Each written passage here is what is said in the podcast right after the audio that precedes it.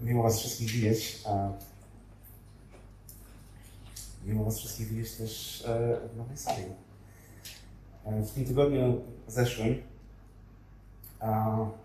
miałem okazję, mieliśmy okazję z, spotkać się z paroma naszymi przyjaciółmi.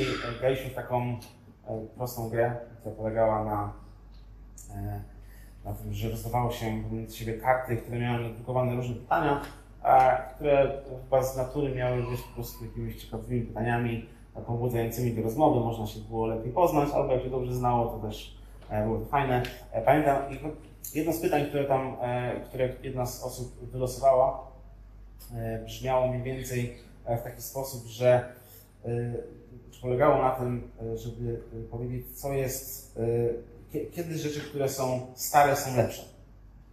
Kiedy stare jest lepsze. E, moja żona wie, że ja jestem osobą, która uwielbia stare rzeczy jak trzeba kupić nowe buty, to zawsze ten stary model, bo ten nowy jest zawsze brzydki e, i tak dalej, ale y, ostatecznie rzecz biorąc okazuje się, że nowe rzeczy też czasami potrafią być lepsze i potrafią być dobre. Jesteśmy w nowej sali i chwała Bogu za to. Bardzo się cieszymy za to, że możemy tutaj być. E, bardzo się cieszymy, że pomimo tego, że jeszcze nie wszystko jest skończone, to możemy czerpać z tego błogosławieństwa ale pomimo nowej sali kontynuujemy coś, co zaczęliśmy już e, dobry kawał czasu temu. E, I są to, czy jest to stara seria kazań z listu do Hebrajczyków.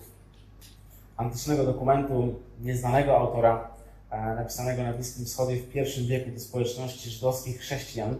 I tutaj ktoś mógłby bardzo celnie zapytać, skoro tak jest, to po co my to w ogóle czytamy, tak? Po co się w ogóle wgłębiamy to, po co analizujemy jakieś stary dokument, który został napisany do nas.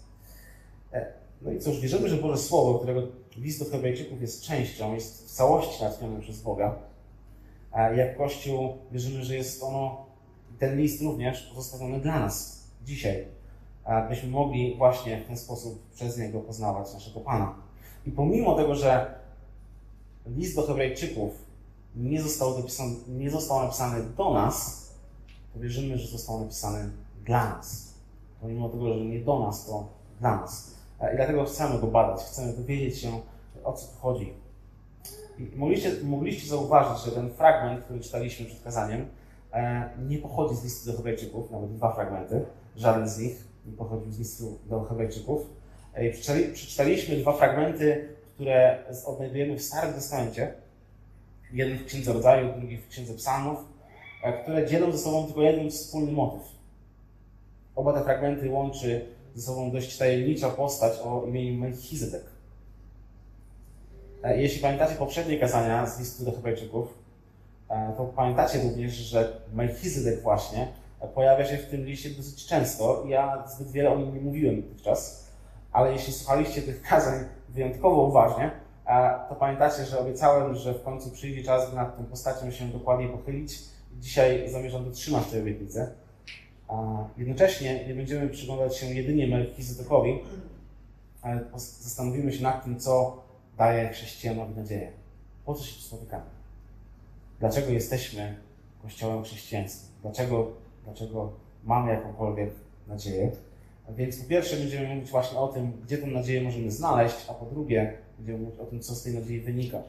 A i Melchizedek gdzieś tam się wpasuje w te nasze rozważania a w którymś momencie.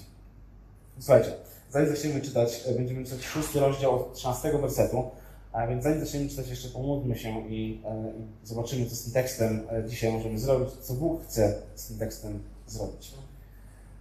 Panie Boże, dziękujemy Ci za, za, za to, że możemy w nowej sali wracać do starego tekstu, starych rozważań, do tego, co zaczęliśmy już, już tak dawno temu. Dziękujemy Ci za list do Chorejczyków, dziękujemy Ci za to, że każdego za każdym razem, kiedy się z Nim spotykamy, możemy odnajdywać coś więcej na temat Ciebie, coś więcej na temat Jezusa. Dziękujemy za to, że, że pokazujesz nam, e, kim jest Twój Syn. Dziękujemy za to, że możemy e, coraz bardziej i bardziej rozumieć Twój plan, Twoją wolę i to, co Ty masz dla nas. Amen. Więc jeżeli macie swoje Biblię, będę czytał szósty rozdział od 13 wersetu, możemy to razem śledzić. Gdy bowiem Bóg dał Abrahamowi obietnicę, a nie miał nikogo większego, na kogo by przysiąc, przysiągł na siebie samego, zaist, mówiąc, Zaiste będę błogosławił Ci obficie i rozmnożę Cię bez miary. I tutaj autor powołuje się, czy odwołuje się do wydarzeń e, i wypowiedzi Boga przedstawionych w 22 rozdziale Księgi Rodzaju. Nie będziemy teraz go czytać, nie będziemy go analizować, ale ważne jest to, żebyśmy tylko przypomnieli sobie albo pamiętali o tym, że 22 rozdział Księgi Rodzaju opowiada swego rodzaju finał, czy takie zwieńczenie historii Abrama, czy historii Abrahama. Czasami nazywany jest ten rozdział triumfem wiary Abrahama. I Bóg widząc oddanie, widząc zaufanie, widząc wiarę Abrahama, mówi do niego w tym rozdziale właśnie, przysiągłem na siebie samego, mówi Pan, ponieważ to uczyniłeś, będę Ci błogosławił, błogosławił obficie i rozmnożę tak, i rozmnożę tak liczne potomstwo Twoje, jak gwiazdy na niebie, jak piasek na brzegu morza. I autor listu do Hebrajczyków przywołuje na myśl e, właśnie te wydarzenia i mówi dalej od 15 wersetu, że ponieważ Abraham czekał cierpliwie, ponieważ Abraham czekał cierpliwie, otrzymał to, co było obiecane. I teraz już na samym początku, ja oczywiście wydaje mi się, że trzeba sobie uczciwie powiedzieć, że ten tekst należy do najłatwiejszych. Autor próbuje przekazać swoim, swoim słuchaczom mniej więcej coś takiego. Namalować taki obraz, którym się spróbuję posłużyć, żeby coś pokazać, więc ja spróbuję ten obraz odtworzyć na tyle udolnie, na ile mi się to uda. Także Abra Abraham, który tutaj jest przywołany, on jest dla, szczególnie dla żydowskich słuchaczy, on jest modelem bohatera wiary, ale dla nas również jest kimś wyjątkowym. Tak, on jest modelem bohatera wiary, kimś, z kogo można dać przykład. Kimś, kto dostał od Boga obietnicę, która dotyczyła pierwotnie głównie narodzin jego syna Izaaka i kimś, kto uwierzył Bogu, kimś, kto się uchwycił tej obietnicy bardzo, bardzo mocno, kimś, kto zaufał. Czego finał widzimy właśnie w czytanym przez, przed chwilą fragmencie a które to wydarzenia mają miejsce kilkana, kilkanaście lat po narodzinach Izaaka. Więc pojawia się pytanie, nawet w tym tekście, kiedy czytamy go naturalnie, dlaczego, co Bóg jeszcze chce zrobić, co Bóg jeszcze chce obiecać, skoro ta obietnica wydaje się, że już, że już się spełniła, skoro Izaak już się urodził, to co Bóg ma jeszcze dla Abrahama i dlaczego? Bóg mówi, że ta obietnica o Izaaku to nie wszystko że ma dla Abrahama coś więcej. On przysięga na siebie samego, że jego błogosławieństwo nie skończy się na Izaaku. Więc wydaje się, że tym samym autor listu do Hebrajczyków, wiecie, próbuje pokazać, że Boża przysięga wskazuje na to, że w pierwotnej obietnicy, w tej obietnicy, kiedy, kiedy Bóg mówi o tym, że urodzi się syn, było dużo, dużo więcej niż Abraham mógł przypuszczać. Na innymi słowy, przyjaciele, Myślę, że idea jest taka. Bóg ma dla nas dużo, dużo więcej niż może nam się wydawać. Bóg ma dla nas dużo więcej niż jesteśmy sobie w stanie to wyobrazić. Bóg chce błogosławić nas bardziej, wspanialej, niż potrafimy sobie to wyobrazić. Nadzieja, którą oferuje Bóg, jest czymś większym i wspanialszym, niż jestem w stanie opisać, niż jestem w stanie wyrazić, niż jesteśmy w stanie namalować. I o, to chodzi na początku tego rozdziału, czy tego fragmentu, że, że nadzieja, którą Bóg obiecuje, czy daje, że jest coś więcej niż na początku nawet widać. To jest coś więcej i to jest coś, co odkrywamy dopiero w czasie naszej wędrówki z Bogiem. I oczywiście dalej musimy zastanowić się nad tym, czym ta nadzieja w ogóle jest. Więc czytajmy dalej 16 werset 20. Ludzie bowiem przyciągają na kogoś większego a zakończeniem wszelkiego ich sporu jest przysięga, która jest stwierdzeniem. Również Bóg, chcąc wyraźnie dowieść dziewicą obietnicy niewzruszalności swojego postanowienia, poręczył je przysięgą, abyśmy przez dwa niewzruszone wydarzenia, co do których niemożliwą jest rzeczą, by Bóg zawiódł, my, którzy ocaliliśmy, mieli mocną zachętę do pochwycenia leżącej przed nami nadziei. Jej to trzymamy się jako kotwicy duszy, pewnej i mocnej, sięgającej aż poza zasłonę, gdzie jako poprzednik wszedł za nas Jezus. Teraz myślę, że widzimy, że autor próbuje prze, przenieść przykład Abrahama i jego doświadczeń, jego życia, po to, żeby zastosować go w życiu słuchaczy. Dlatego też chcemy zobaczyć, co ten przykład niesie, dlatego że chcemy sami zastosować go w swoim życiu. I oczywiście to nie jest takie proste, tutaj pojawia się dużo pytań, ten tekst jest skomplikowany i nie ma się co oszukiwać, E, i spróbujemy go szybko przeanalizować po to, żeby w ogóle móc z niego coś wyciągnąć. Więc po pierwsze, o jakich dwóch niewzruszonych wydarzeniach on mówi?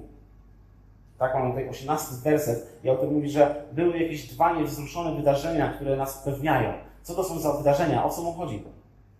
Więc tutaj odpowiedź wydaje się prosta, to znaczy nie aż tak, ale w miarę prosta, że chodzi o obietnicę i przysięgę. Cały czas te dwa motywy się pojawiają. Była obietnica i była przysięga. Była najpierw obietnica, ona została poręczona przysięgą. Po drugie natomiast, skoro chodzi o obietnicę i przysięgę, to o jaką obietnicę? Jaką obietnicę ma dla nas Bóg?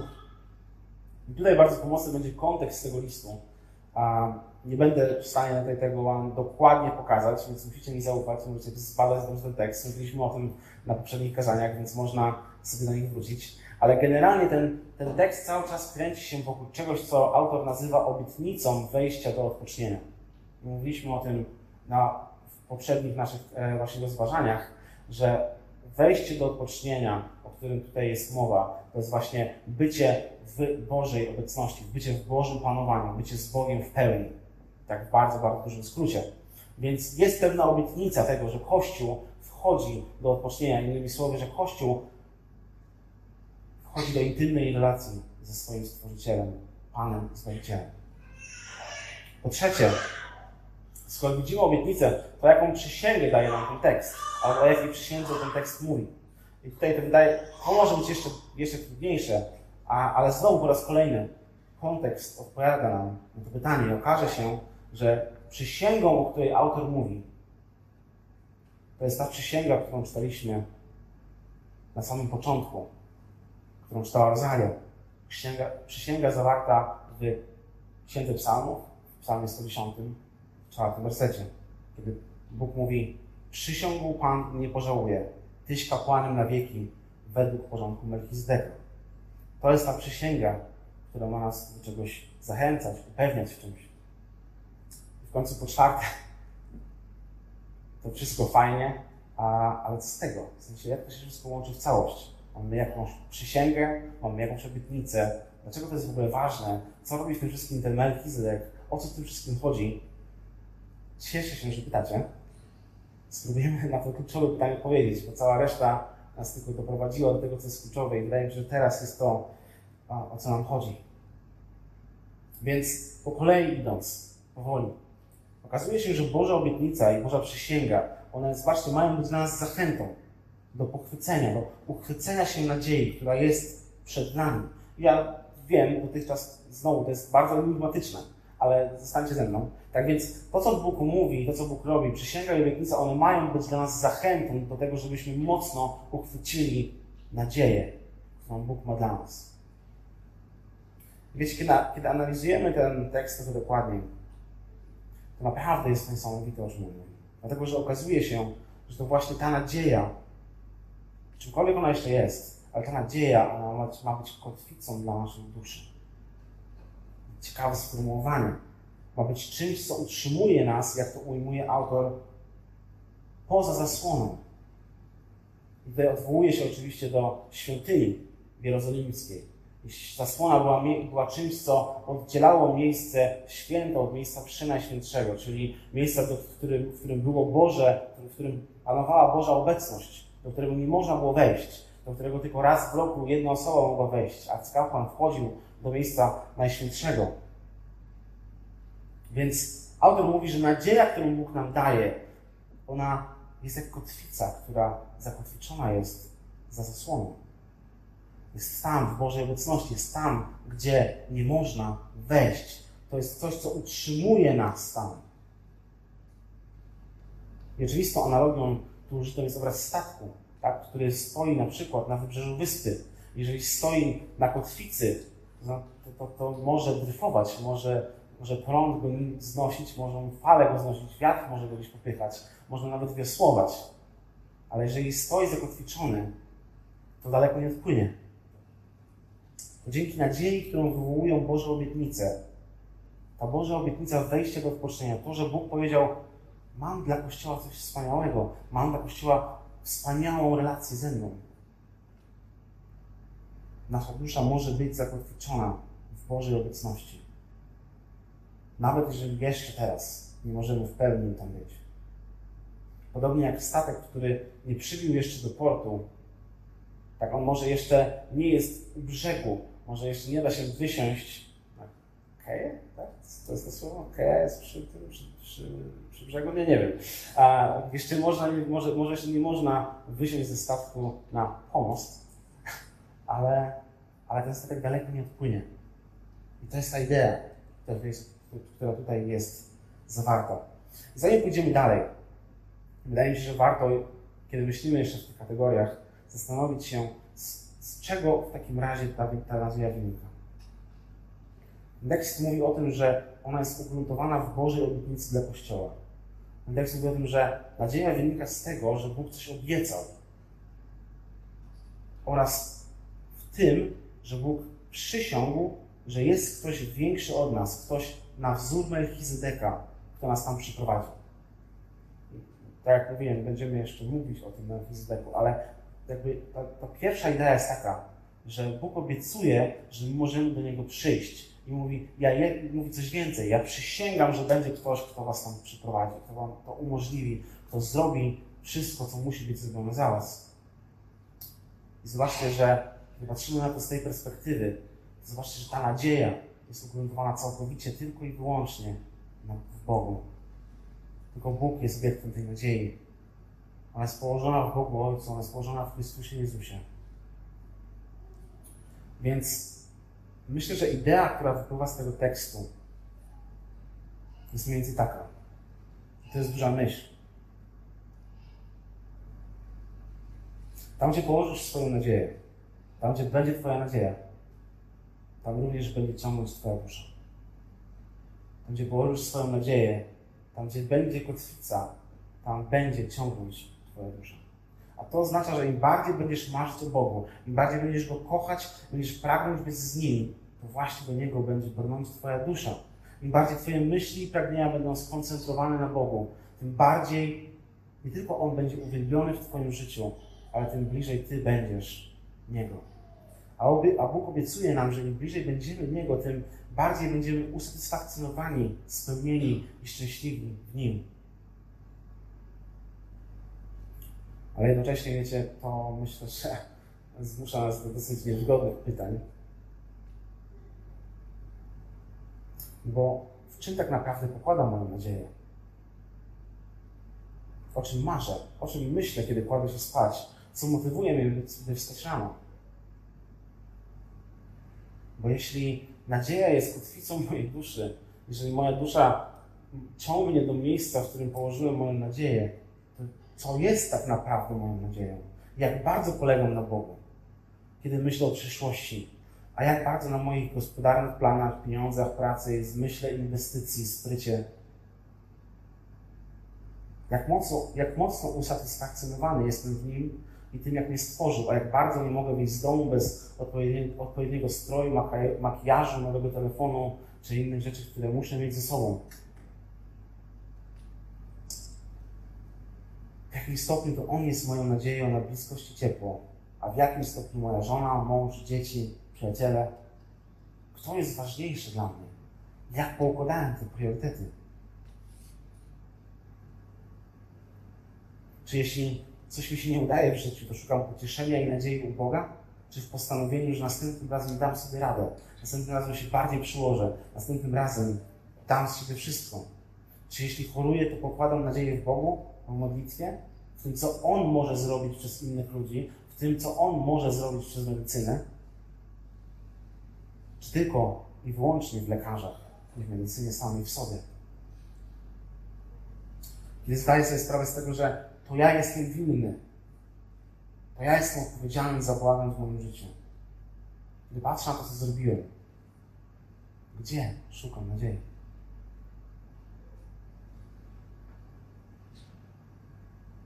Na co mam nadzieję?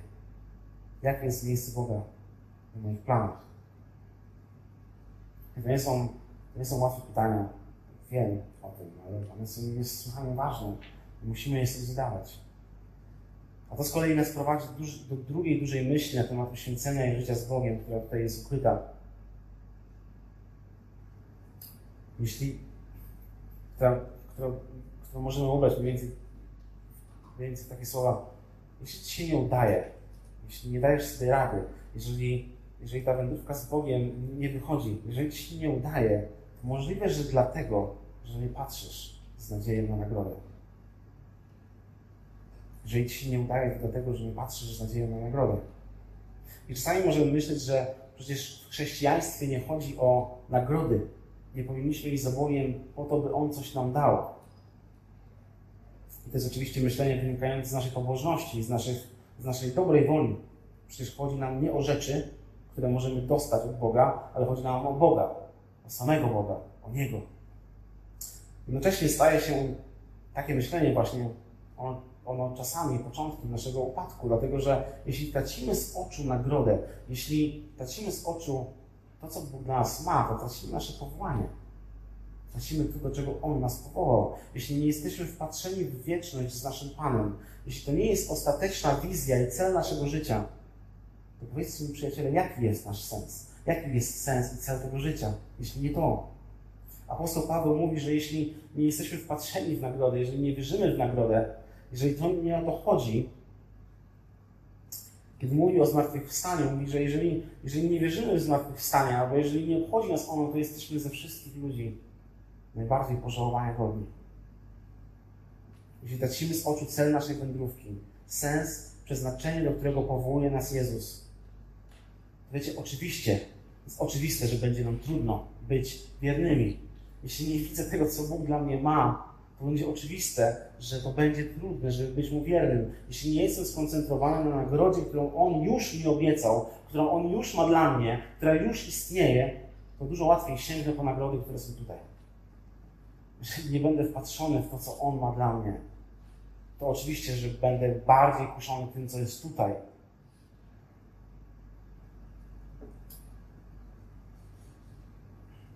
Walter Marshall, purytański myśliciel pisze taką, takie zdanie. Każdy, kto myśli, że może służyć Bogu w oderwaniu od nadziei chwalebnej nagrody niebiańskiej, stawia się ponad apostołami, pierwszymi chrześcijanami, a nawet ponad Chrystusem.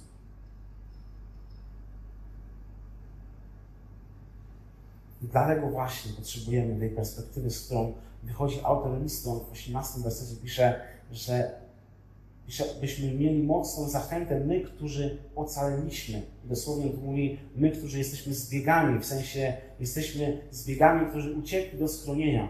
On nie mówi my, którzy dajemy sobie radę, my, którzy postanowiliśmy sobie coś tutaj uczynić, ale my, którzy uciekliśmy i znaleźliśmy schronienie. To jest perspektywa, której potrzebujemy. Uciekamy od sprawiedliwego potępienia w naszych własnych grzechach. I jedyna nadzieja jest w Chrystusie. Jest to Wspaniała nadzieja. Jeśli chwycimy się właśnie Jego, tylko tego, że tylko w Nim jest droga do Ojca, do najwspanialszej nagrody, ta nadzieja będzie kotwicą dla naszej duszy. Będzie tym, co nie pozwoli nam dryfować z prądem na nieznane wody, nie pozwoli oddalić się zbyt daleko od bezpiecznej przystani. Taki melodramatyczny dzisiaj tytuł. Ale to będzie tym, co będzie nas trzymało blisko Boga, pomimo tego, że jeszcze na pełnię tej bliskości czekamy, to będzie to, ta nadzieja, wpatrzenie się w to, co On ma dla nas, w nagrodę wieczną w niebie, to będzie to, co będzie trzymało nas blisko Niego. Więc po drugie, po ostatnie, co z tej nadziei wiedzy wynika? Więc chciałbym do końca ten dzisiejszy tekst przeczytać, szósty rozdział, dziewiętnasty werset, aż do siódmego do dziesiątego. Przeczytamy ten dłuższy fragment, omówimy go i na tym zakończymy. tej nadziei trzymamy się jako kotwicy duszy, pewnej, mocnej, sięgającej aż poza zasłonę, gdzie jako poprzednik wszedł za nas Jezus, stawszy się arcykapłanem według porządku Melchizedeka na wieki. Ten to Melchizedek, król Salemu, kapłan Boga Najwyższego, który wyszedł na spotkanie Abrahama, gdy wracał po rozgromieniu królów, pobłogosławił mu. Abraham zaś dał mu dziesięcinę ze wszystkiego.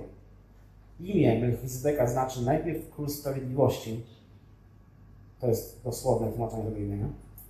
Następnie zaś król Salemu to jest król pokoju. Salem czy Szalem oznacza właśnie pokój. Bez ojca, bez matki, bez rodowodu, nie mający ani początku dni, ani końca życia, lecz podobny do Syna Bożego, pozostaje kapłanem na zawsze. Patrzcie wtedy, jak wielki jest ten, któremu nawet patriarcha Abraham dał dziesięcinę z najlepszego łuku. Wprawdzie i ci, którzy są z synów Lewiego, a otrzymują urząd kapłański, mają nakaz zgodnie z prawem pobierać dziesięcinę od ludu, to jest od braci swoich, chociaż i oni wywodzą się z rodu Abrahama.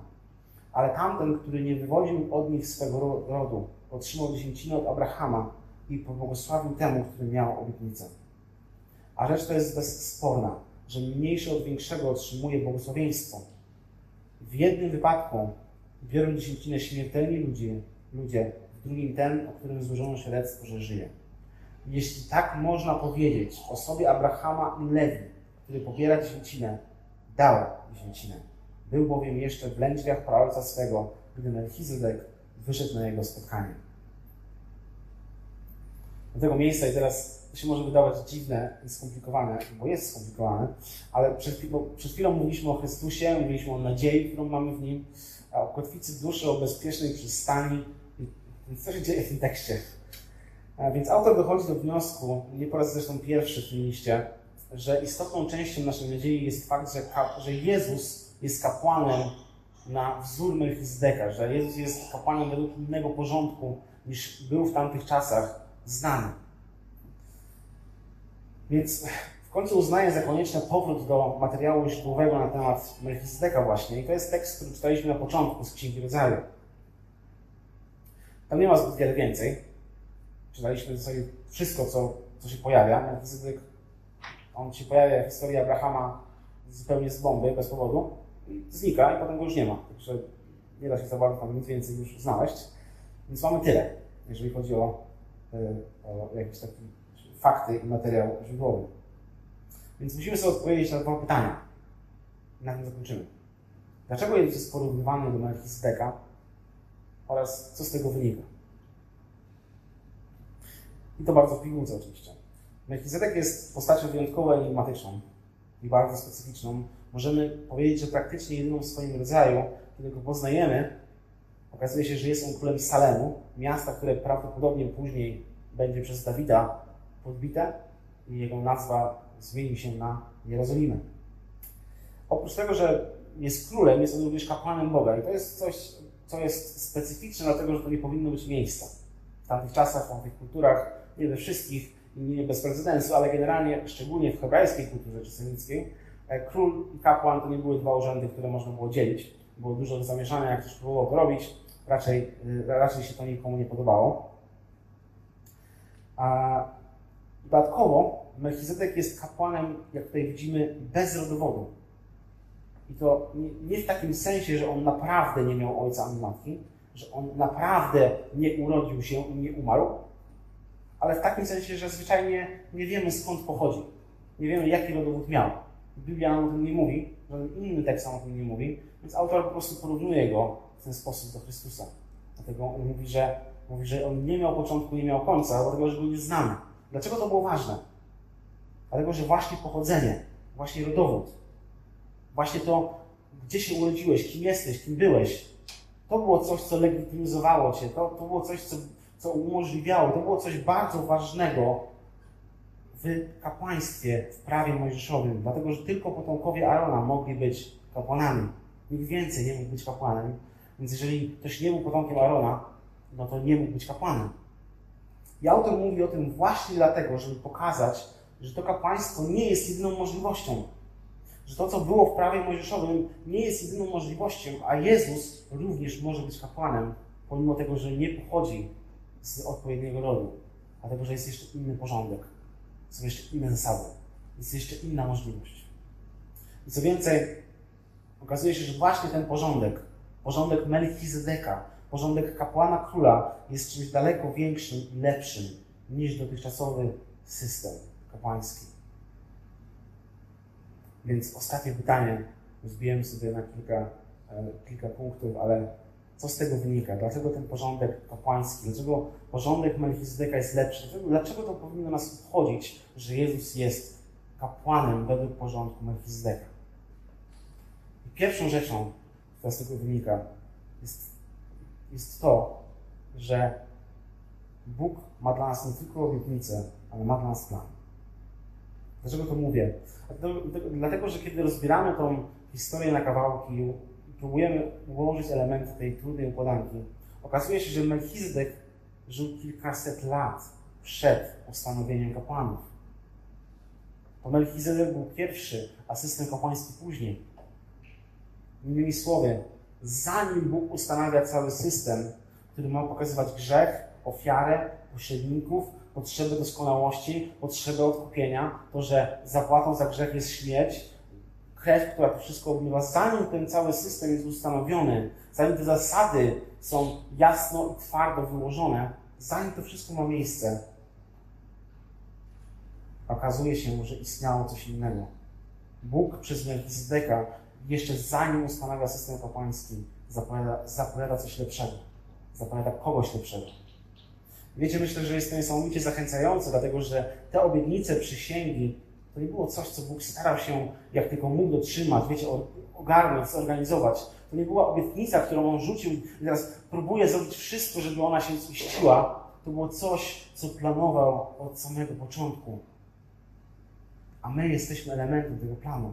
Jeśli Bóg daje nam możliwości, możliwość społeczności z Nim, życia z Nim, spełnienia i satysfakcji w Nim, jeśli daje nam przewodnika, arcykapłana Jezusa, jeśli to wszystko, te wspaniałe obietnice są, są prawdą i to jest część jego suwerennego planu, planu, który on od samego początku układa i realizuje, wiecie, myślę, że to, co z tego wynika, to jest to, że jesteśmy w dobrych rękach.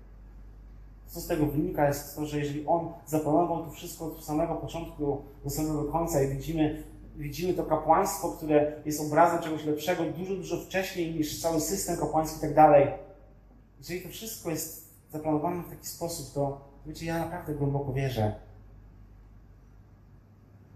Naprawdę głęboko wierzę w to, że jesteśmy w głębokich rękach, w dobrych rękach. Że On jest w stanie ten plan zrealizować i przyprowadzić nas do wieczności, do Jego domu.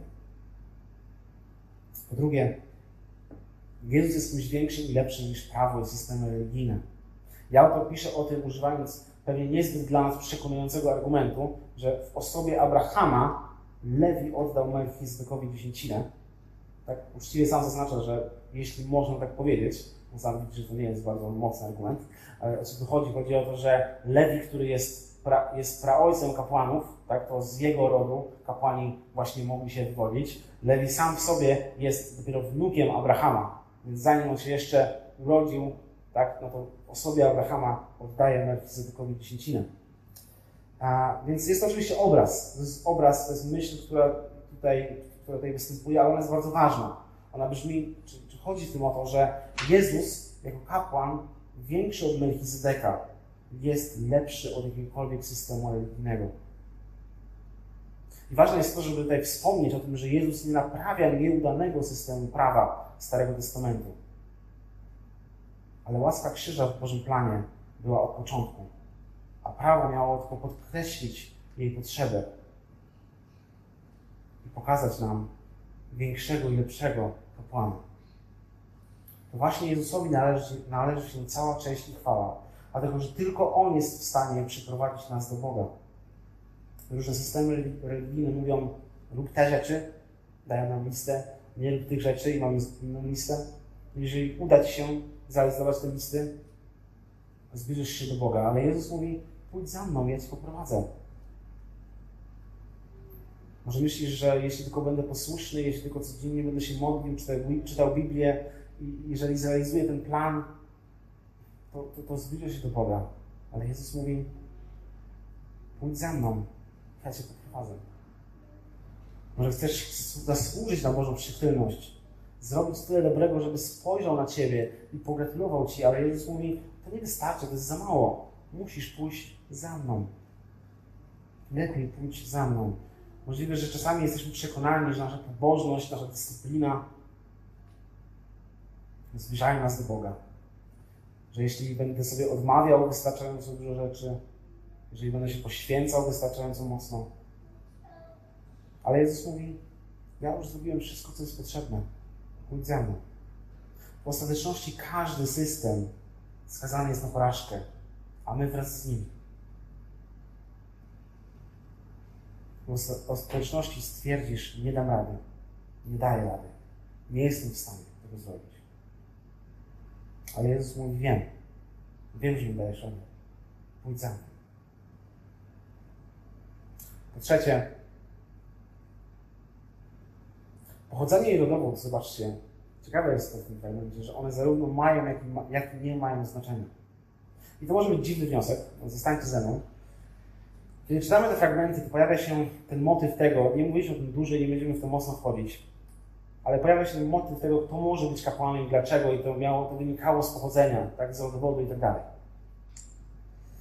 A... Idea jest taka, w, takim, w każdym razie, w Bożym planie pochodzenie ma ogromne znaczenie. I patrzymy tutaj na przykład na tych kapłanów, patrzymy na przykład na naród wybrany patrzymy na wiele różnych rzeczy. I zarazem nie ma tego znaczenia w ogóle. Na przykład, kiedy patrzymy na takie postaci jak Rut albo Rahab, które nie mają pochodzenia, ale są wcielone, są, są wcielone czy, czy, czy włączone w ten Boży plan. Widzimy to na każdym kroku Bożej historii zbawienia, nie tylko tutaj, ale w całej Biblii. I to oznacza, że powinniśmy pamiętać, skąd pochodzimy. Powinniśmy doceniać i być wdzięczni Bogu za nasze rodziny, miasta, narody i kulturę. Wszakże Bóg używa ich w niesamowity sposób. Są one ważne w Bożym planie. Jednocześnie jednak, obojętnie kim jesteś i obojętnie z jakiego kontekstu pochodzisz, jak w cudzysłowie słaby jest Twój rodowód, jeżeli w ogóle można tak powiedzieć, okazuje się, że jest dla Ciebie miejsce u Boga, jest dla Ciebie miejsce w Kościele, jest dla Ciebie miejsce w Jego, w jego planie. On nikogo nie odrzuca ze względu na pochodzenie, kraj, rasę czy płeć. I w końcu po czwarte, ostatnie. Widzimy w tym fragmencie bardzo praktyczny wyraz tego, jak Abraham oddaje hołd większemu od siebie. Czytamy o tym, że złożył Melchizedekowi, którego uznaje za większego od siebie, za kogoś godniejszego, za kogoś, komu należy się, komu należy się cześć, szacunek. Oddaje mu dziesięcinę z całego swojego łuku. Nie, nie praktykujemy tego zwyczaju w życiu codziennym w ogóle. Przynajmniej dużo ludzi, bardzo. Jakbym tutaj musiał każdemu dziesięcinę oddać, byłoby trudno. A, jest to dla nas dziwne. W kościele również nie podchodzimy do, w kościele również do dziesięciny podchodzimy e, nieco inaczej niż robili to Żydzi. Daleki jestem od tego, żeby stwierdzić w ogóle, że ten fragment nas wzywa do wpłacania pieniędzy na kościół, chociaż zachęcam, żeby to robić. Mamy nową salę i dużo różnych wyzwań finansowych. Chciałbym natomiast, żebyśmy już na sam koniec spojrzeli na tą ogólną zasadę, na to ten wyraz czci i hołdu dla tego, który jest większy nie ulega chyba naszej wątpliwości, że autor listy Hebrajczyków porównuje tej Melchizedeka z Jezusem i mówi Melchizedek jest większy, lepszy, to jest coś, to jest coś pełniejszego niż ten cały stary kapłański system. Ale Jezus, Jezus jest jeszcze większy od Melchizedeka. On porównuje go, żeby pokazać pewien obraz, ale mówi, ten jest większy. Melchizedek był tylko człowiekiem, który żył kiedyś dawno temu, ale Jezus żyje i panuje dzisiaj. On jest dalej naszym arcykapłanem. On jest królem i arcykapłanem. On jest tym kapłanem na wzór, na, na, na, według porządku Melchizedeka. Więc pytanie, które zadamy sobie na sam koniec, jest takie, komu ja oddaję tę cześć? Komu ja oddaję tę dziesięcinę? Komu, kto zasługuje na to, by pokazać mu moją zależność i oddać mu chwałę w moim życiu? Jeśli jest to Bóg, jeśli jest to Chrystus, to w jaki sposób to robi? W jaki sposób daje mu chwałę? W jaki sposób daje mu cześć? W jaki sposób pokazuje mu hołd, tak jak Abraham to zrobił wtedy w tej historii, którą czytaliśmy. Więc podsumowując to wszystko, modlę się, by Bóg pokazywał nam, stawiał przed oczyma Apostoł Paweł używa nawet e, tego obrazu, mówi przyłbica, kiedy opisuje Bożą zbroję, mówi o przyłbicy zbawienia. Tak jakby to zbawienie, obietnica Bożej łaski, nagrody w niebie miała przysłaniać nam oczy. I modlę się o to, żeby Bóg właśnie to robił. Niech On przysłania nam oczy tym, co jest naszą nadzieją, bo wierzę, że to będzie kotwicą, która trzyma nas blisko Niego, która ciągnie nas która ciągnie nas do tego miejsca najświętszego, do miejsca Jego obecności, tam gdzie On jest w pełni, pomimo tego, że może inne rzeczy próbują nas ściągnąć z tego kursu, jeżeli kotwica będzie w właściwym miejscu, to, to, to, to my też będziemy w właściwym miejscu.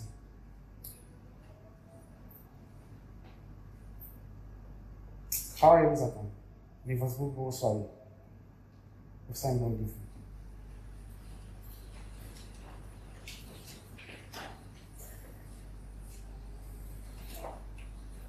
Ojcze, niebie, dziękujemy Ci za to, że Ty obdarowujesz nas wspaniałą obietnicą, że mówisz o tym, że masz dla nas odpocznienie od wszystkiego, co jest trudne, od wszystkiego, czego nie jesteśmy w stanie zrobić, od tego chaosu, który jest w naszym życiu. Że Ty mówisz o tym, że my możemy wejść do Twojego domu, do Twojego panowania, do Twojego odpocznienia, do tego, gdzie Ty, Boże, jesteś królem. Panie, chcemy tam być. Dziękuję Ci za to, że Ty poręczyłeś tą obietnicę przysięgą, że jest ktoś, kto nas tam zaprowadzi. Jest ktoś, kto będzie kapłanem, który może wejść tam przed nami. Dziękujemy Ci, Panie, za Chrystusa. Dziękujemy Ci za to, że, że właśnie ten Chrystus, Jezus Chrystus, wielki kapłan na wzór Melchizedeka, jest tym, kogo Ty wybrałeś, posłałeś i e, kogo Ty pobłogosławiłeś w ten sposób, a przez Niego pobłogosławiłeś nas. Panie, dziękujemy Ci za Twojego Syna, za Jego śmierć na krzyżu, za Jego zmartwychwstanie, za to, że dzięki temu, co, dzięki Jego służbie, dzięki tej ofierze i dzięki Jego służbie arcykapłańskiej my możemy przychodzić do Ciebie. Dziękujemy Ci, Panie, za to, że dajesz nam nadzieję. I prosimy Cię bardzo, bardzo mocno, żeby ta nadzieja była treścią naszego życia. By ona rzeczywiście była przed naszymi oczami, oczyma. By nic, co jest tutaj na tym świecie, nam jej nie przysłaniało.